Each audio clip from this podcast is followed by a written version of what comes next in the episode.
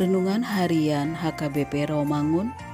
Ikutlah aku Minggu Info Covid 26 Februari 2023 dengan tema Allah sumber kasih karunia.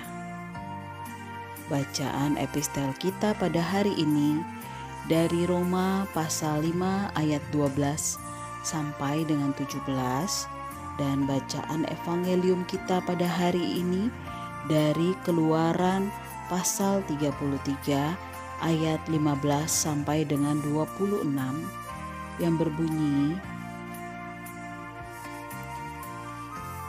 Berkatalah Musa kepadanya, "Jika engkau sendiri tidak membimbing kami, janganlah suruh kami berangkat dari sini." Dari manakah gerangan akan diketahui bahwa aku telah mendapat kasih karunia di hadapanmu, yakni aku dengan umatmu ini? Bukankah eng karena engkau berjalan bersama-sama dengan kami, sehingga kami, aku dengan umatmu ini dibedakan dari segala bangsa yang ada di muka bumi ini? Berfirmanlah Tuhan kepada Musa juga hal yang telah kau katakan ini akan kulakukan, karena engkau telah mendapat kasih karunia di hadapanku, dan aku mengenal engkau. Tetapi jawabnya, perlihatkanlah kiranya kemuliaanmu kepadaku. Tetapi firmannya, aku akan melewatkan segenap kegemilanganku dari depanmu dan menyerukan nama Tuhan di depanmu. Aku akan memberi kasih karunia kepada siapa yang kuberi kasih karunia dan mengasihi siapa yang kukasihani. Lagi firmannya, engkau tidak tahan memandang wajahku sebab tidak ada orang yang memandang aku dapat hidup.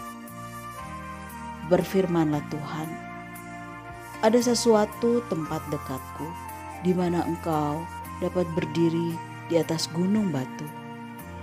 Apabila kemuliaanku lewat, maka aku akan menempatkan engkau dalam lekuk gunung itu, dan aku akan menudungi engkau dengan tanganku sampai aku berjalan lewat.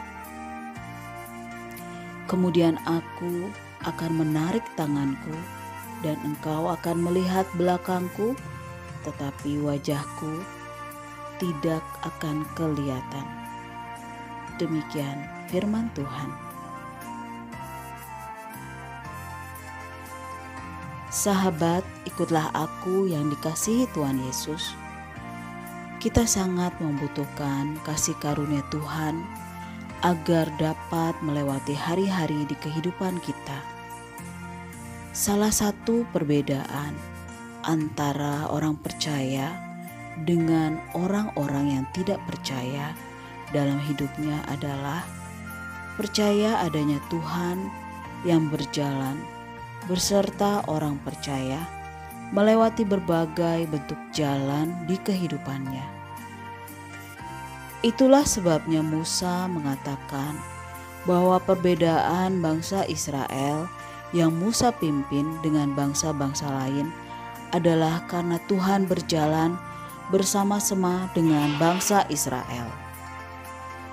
Renungan minggu ini di mana Musa mempertegas tentang penyertaan Tuhan dalam perjalanan keluarnya bangsa Israel.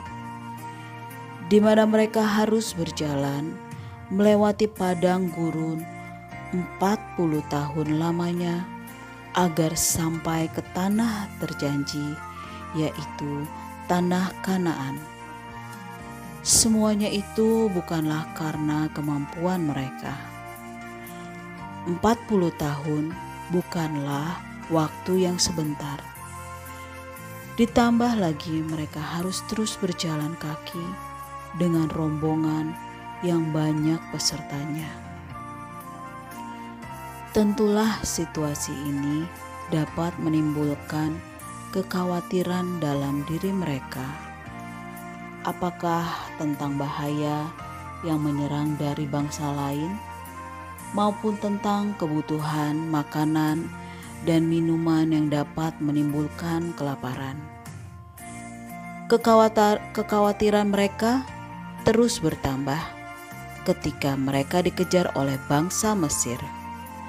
Mereka bahkan sampai menyembah Allah lain berupa anak lembu emas. Pastinya Tuhan sangat kecewa dengan bangsa Israel. Bahkan Tuhan sampai menyebut bangsa Israel adalah bangsa tegar, tengkuk yang berarti sulit untuk diperingatkan.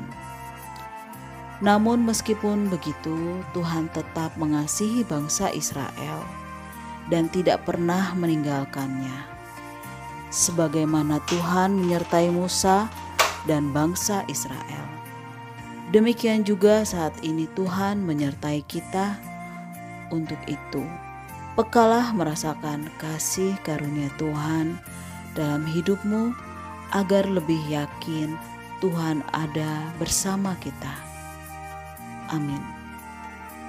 Marilah kita berdoa Allah Bapa sumber kasih karunia dalam hidup kami, sertai dan tuntunlah hidup kami melewati waktu yang diberikan Tuhan. Amin.